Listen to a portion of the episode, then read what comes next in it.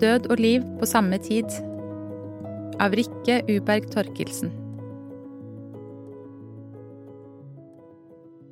Den er veldig ensom, denne sorgen. Sorgen som de fleste ikke kan forstå, og heller kanskje ikke ønsker å forstå. Det gjør for vondt.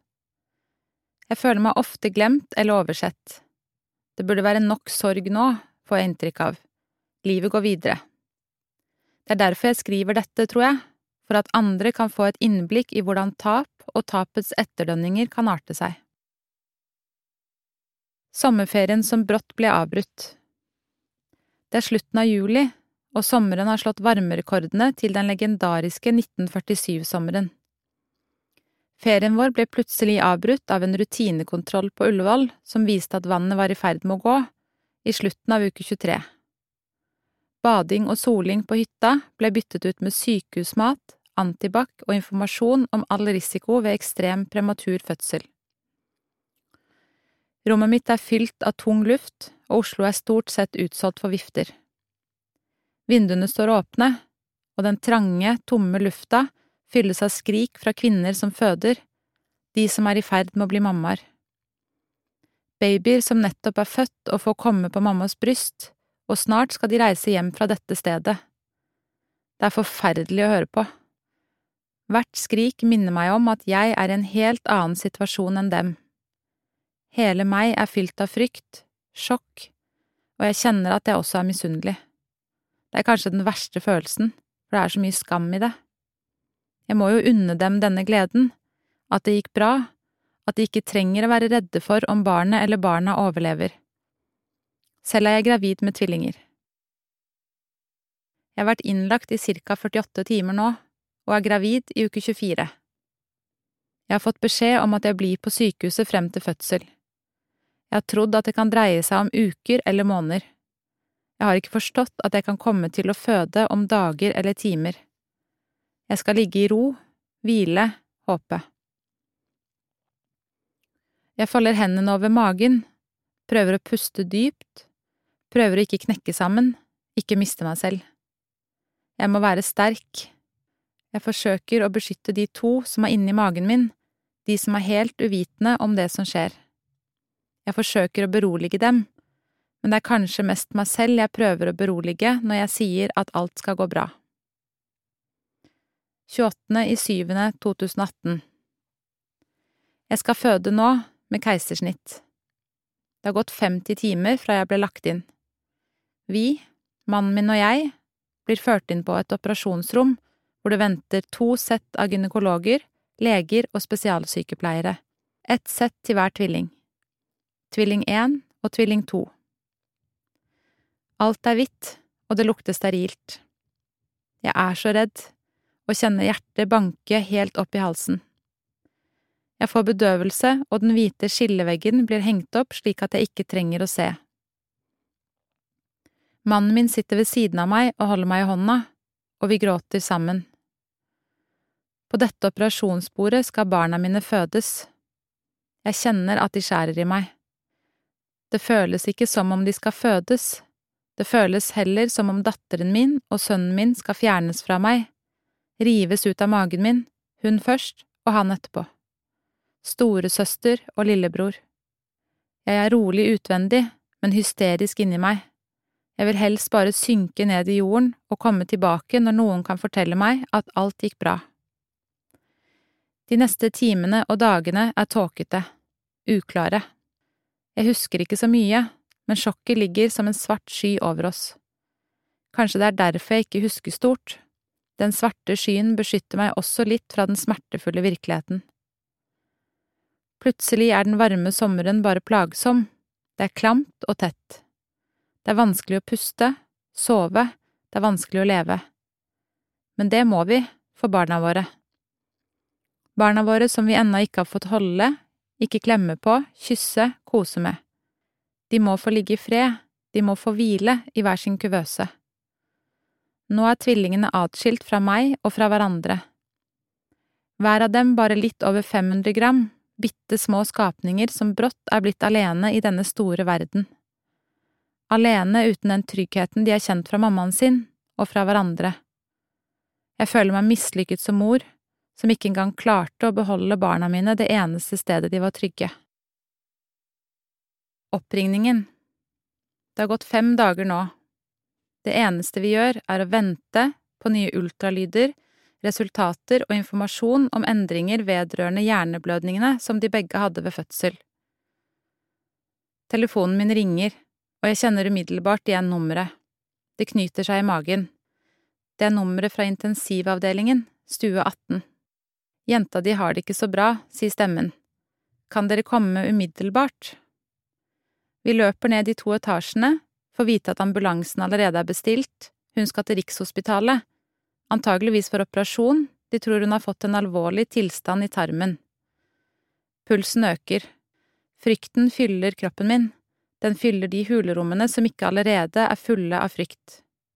Plutselig har vi to barn i livstruende situasjoner på to forskjellige sykehus. Hvor ille kan dette bli? Avtalen klokken ett. Det har gått ytterligere fem dager, og vi skal ha nok en samtale med legen.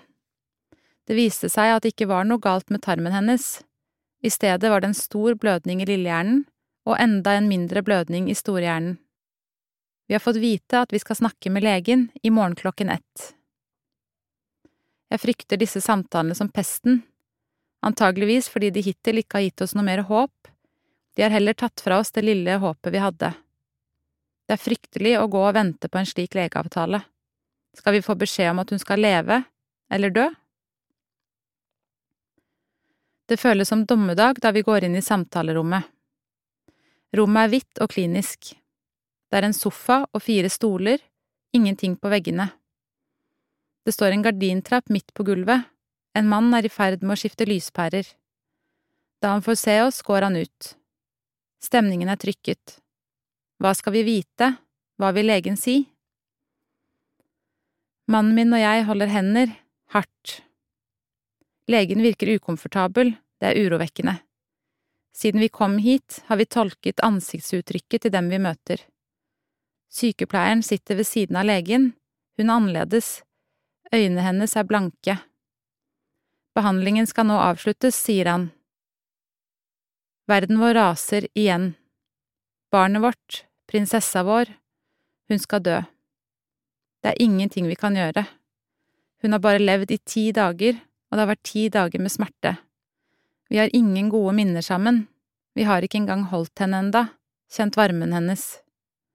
Hun har ikke følt seg trygg og elsket i mammas armer. Hvordan skal vi klare å reise oss, overleve, hvordan skal vi klare å si farvel? Farvel før vi engang har sagt hei. Å holde henne. Det er første og siste gang jeg skal få holde henne. Legen og sykepleieren henter henne i kuvøsen sin og triller henne inn til oss, på rommet hvor både begynnelsen og slutten skal skje. Respiratoren er en tube som går gjennom munnen hennes og ned i lungene. Den er festet med en hvit teip rundt munnen hennes, og det er den som gir henne liv. Hun har målere på brystet som registrerer hjertefrekvens, og en måler på foten som måler oksygenopptak i blodet. Det er ledninger overalt. Hun blir lagt forsiktig på brystet mitt, med hjertet hennes mot hjertet mitt. Vi får beskjed om at vi må si ifra når vi er klare for at hun skal kobles fra respiratoren. En umulig oppgave. Når er vi klare for at vårt eget barn skal slutte å puste? Nå, akkurat nå, lever hun, men det er døden vi skal møte, sammen. Mannen min og jeg har på oss hvite sykehusskjorter med røde og blå firkanter på som vi har åpnet ved brystet, slik at vi og den lille kan være hud mot hud.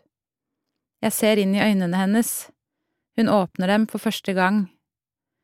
De er overraskende blå, akkurat som havet, jeg føler jeg ser inn i evigheten. De er så vakre, de små, store øynene. Mitt barn. Min jente. Jenta med de fineste blå øynene. I nesten syv timer er vi sammen med henne. Bytte på å ha henne på brystet. Det er første og siste gang hun skal få kjenne vår hjerteslag mot sin hud. Vi er sammen, vi tre, med én fot i livet og ett i døden. Legen kommer inn. Er tiden inne? Ja, vi tror tiden er inne, men vi er livredde for hva vi har i vente. Han fjerner plasteret rundt munnen hennes og trekker forsiktig ut tuben som går ned i lungene hennes, tuben som holder henne i live. Nå begynner slutten. Hun ligger på brystet mitt fortsatt, og jeg tenker at dette må jeg huske for alltid, denne følelsen.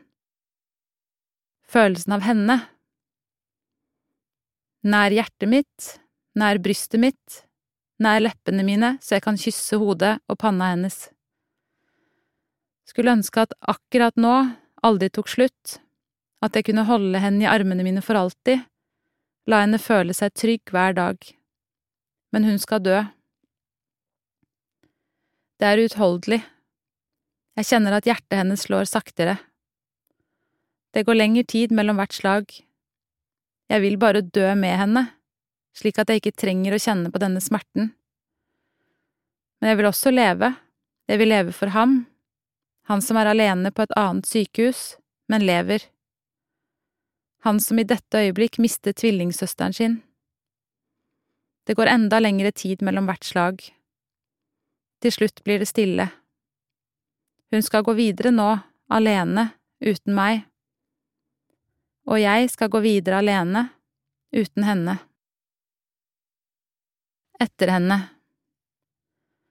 Vi går ut fra rommet, vi etterlater vårt døde barn. Jeg er utslitt, hoven i øynene og har ubeskrivelig vondt i hjertet og brystet. Jeg visste ikke at det fantes så mange tårer. Jeg føler jeg er nær et sammenbrudd, men jeg vet jeg må holde meg samlet.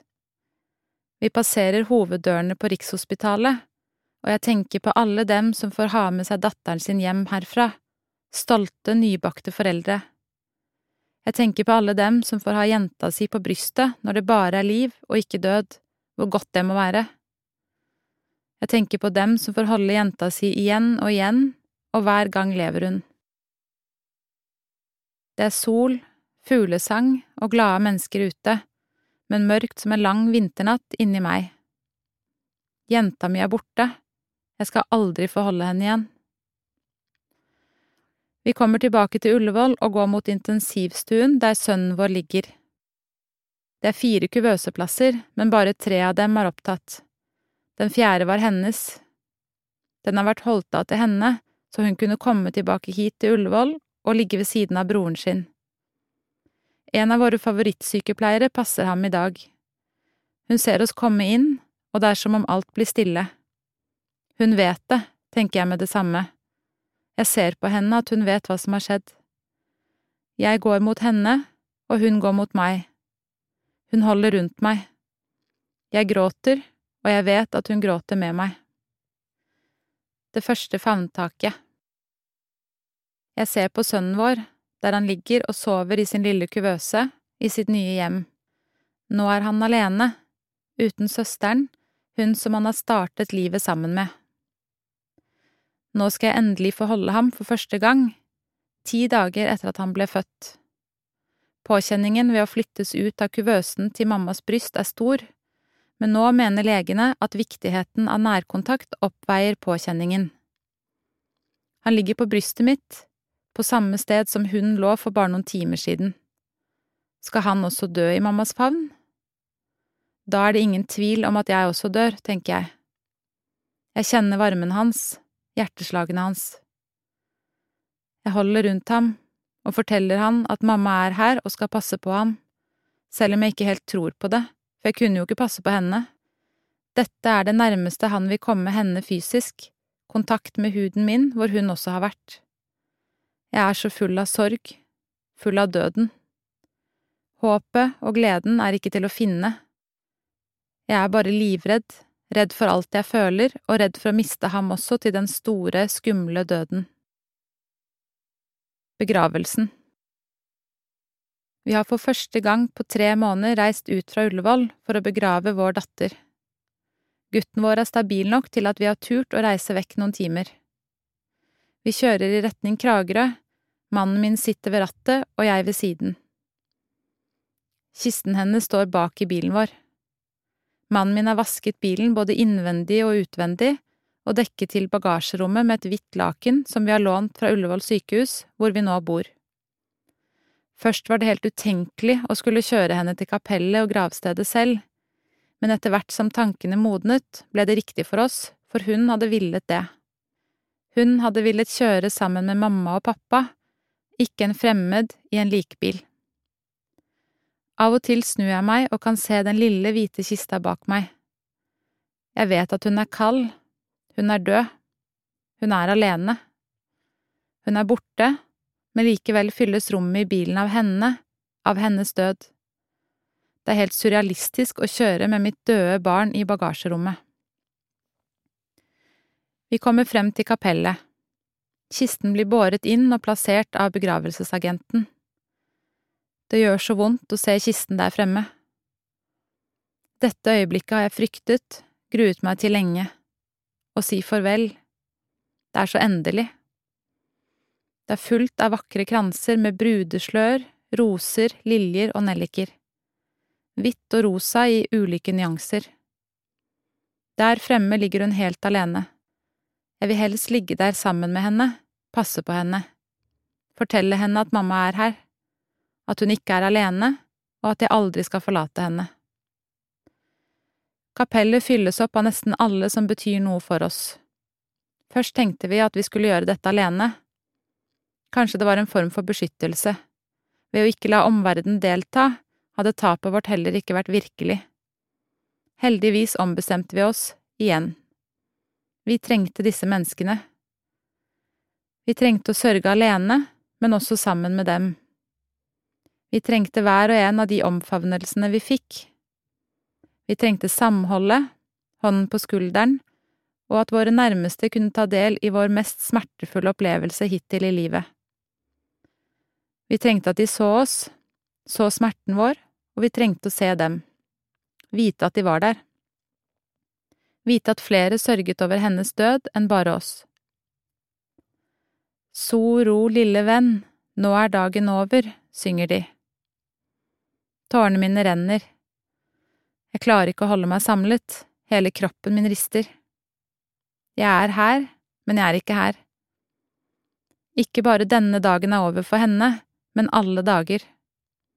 Alle dager hvor hun skulle ha vært sammen med oss, familien hennes.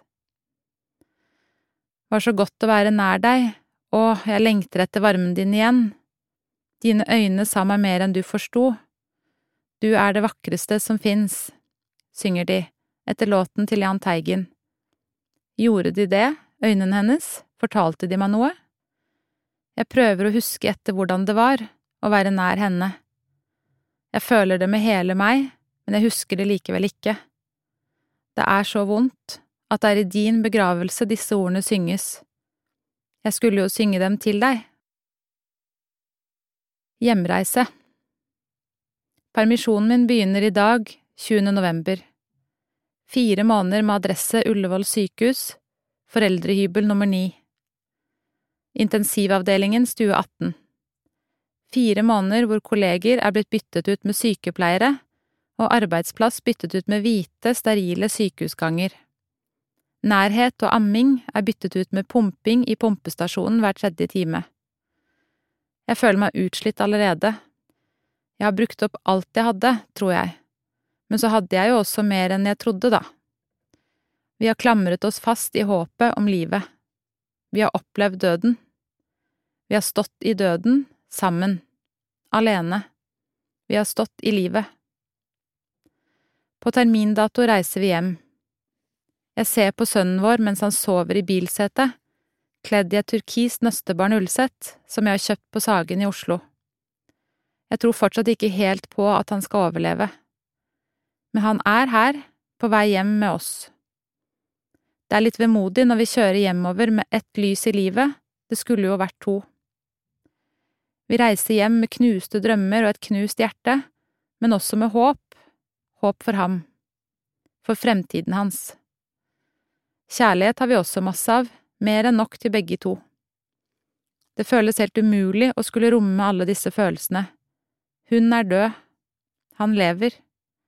Det er ytterpunkter, tenker jeg. Hvordan skal jeg romme den største gleden og den største sorgen man kan oppleve samtidig? Mange har sagt, og sier enda, at jeg må glede meg over ham, være takknemlig for at han overlevde. Kan jeg da også få lov til å være trist fordi hun ikke overlevde?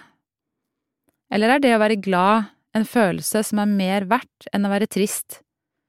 Er det sånn at lykke og glede trumfer sorg og smerte?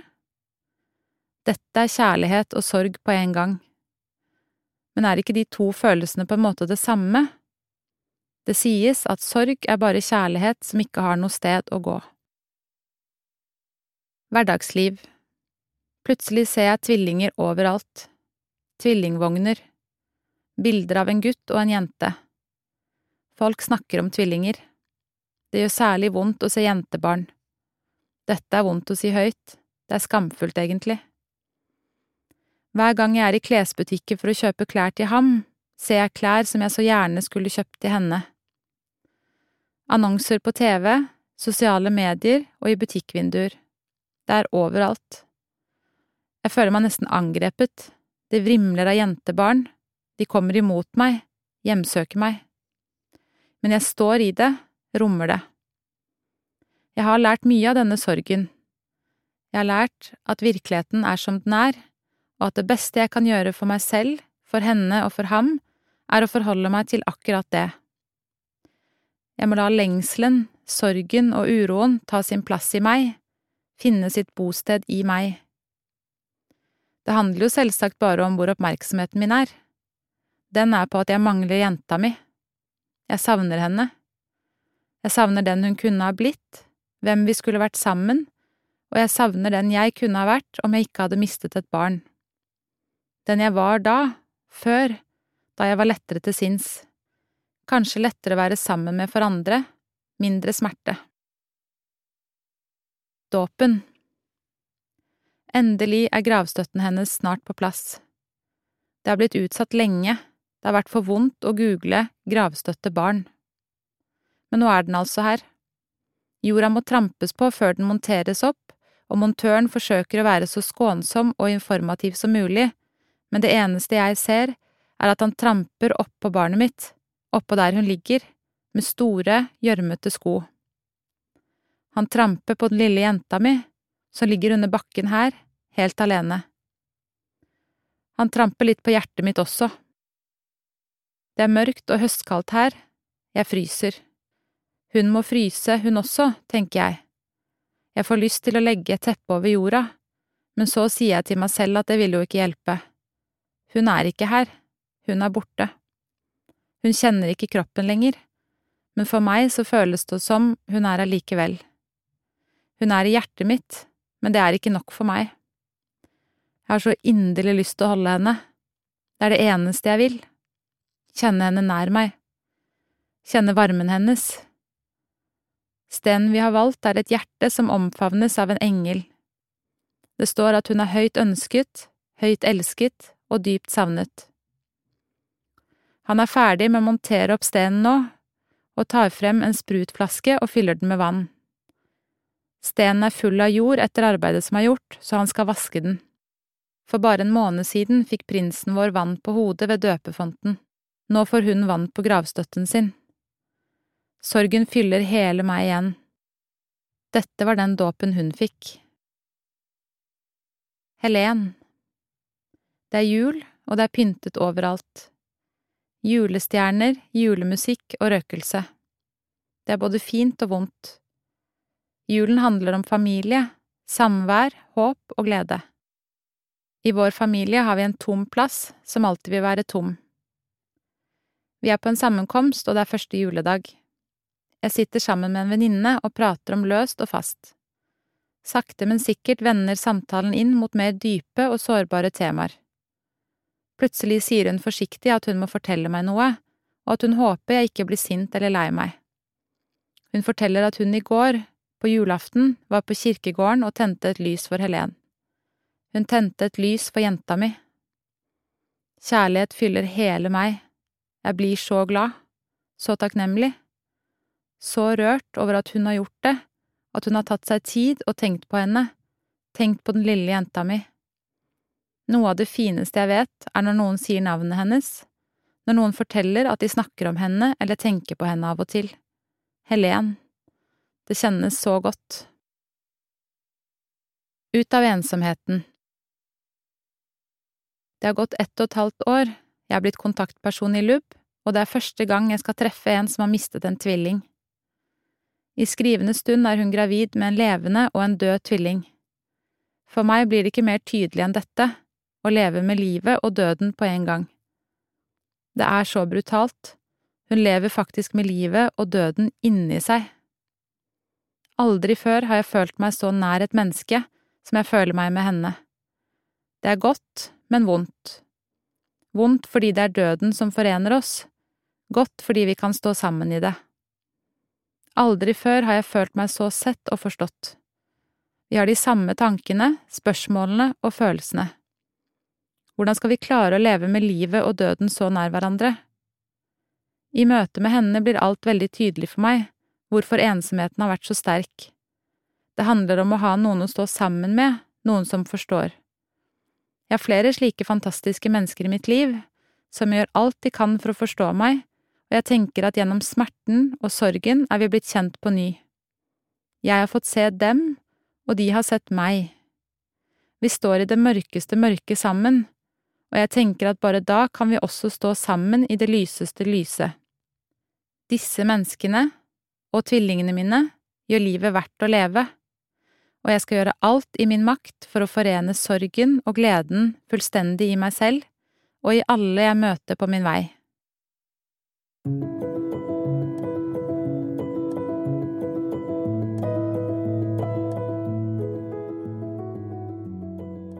Denne historien skrev jeg for ca. to år siden, og jeg ser jo nå at det er veldig mye som har forandra seg i meg når jeg leser historien på nytt. Det jeg kanskje særlig legger merke til, er at jeg skriver mye om ensomhet og at det føles så ensomt. Og det syns jeg ikke det gjør lenger. Jeg tror kanskje det handler mye om at det var så ensomt å ikke klare å sette ord på hva jeg følte, eller ikke klarte å være sårbar eller dele med noen hvordan jeg hadde det. Men så ser jeg jo at jo mer jeg har klart å dele med de rundt meg hvordan jeg har det, og jo mer jeg har klart å ta min egen sorg på alvor, så syns jeg også at um, det har blitt mindre ensomt, da. Så det er jo ikke det at jeg har møtt flere, så, så mange som har mistet en tvilling, eller Men at jeg faktisk Det har vært en indre prosess, det også, da. Så jeg ser jo det at jo mer jeg har klart å åpne opp for den sorgen og smerten, jo mindre ensom har jeg blitt, uavhengig av de rundt meg, da. Eh, og at jeg tror også Jeg kan jo huske når jeg kom hjem fra sykehuset med en overlevende tvilling, at jeg var nok kanskje Jeg var nok deprimert, og at jeg klarte ikke verken å være veldig glad eller veldig trist. Og at veien til å finne gleden og og aksepten har vært gjennom å faktisk tørre å kjenne sorgen. Og tørre å inkludere den sorgen i livet mitt. Jeg syns jeg har lært så utrolig mye om at sorg og glede er ikke to forskjellige Eller det trenger ikke å være to forskjellige ting. Det kan Og det kan føles på samme tid. Og det syns jeg har vært en veldig Det er jeg veldig glad for å ha fått lære, da. For jeg trodde kanskje ikke på det før at jeg kunne være trist i ett minutt og glad i et annet, eller nesten samtidig.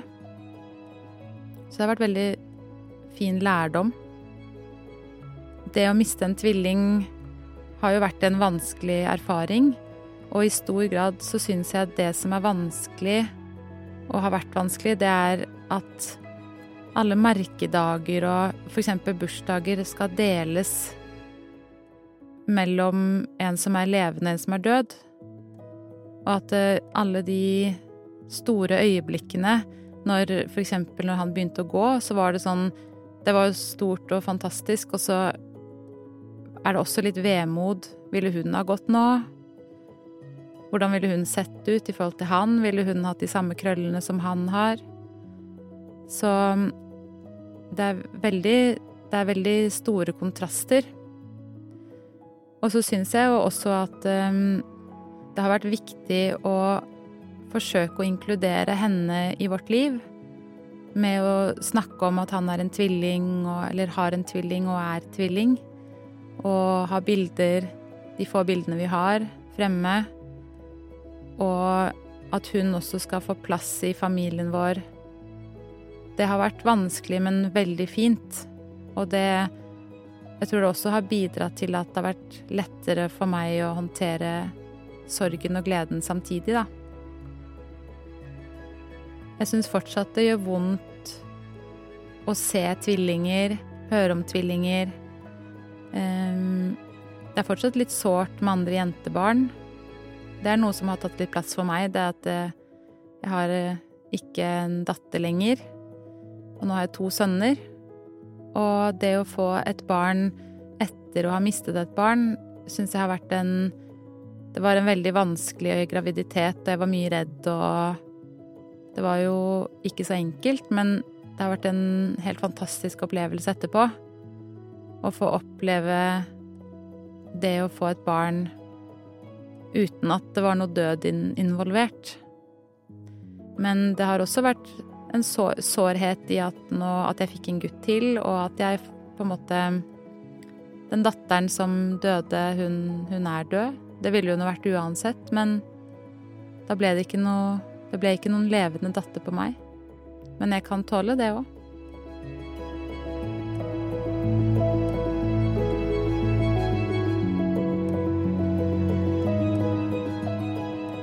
Død og liv på samme tid er skrevet av Rikke Uberg Torkelsen. Podkasten er utgitt av Landsforeningen uventet barnedød med støtte fra stiftelsen DAM, produsert av Nitro.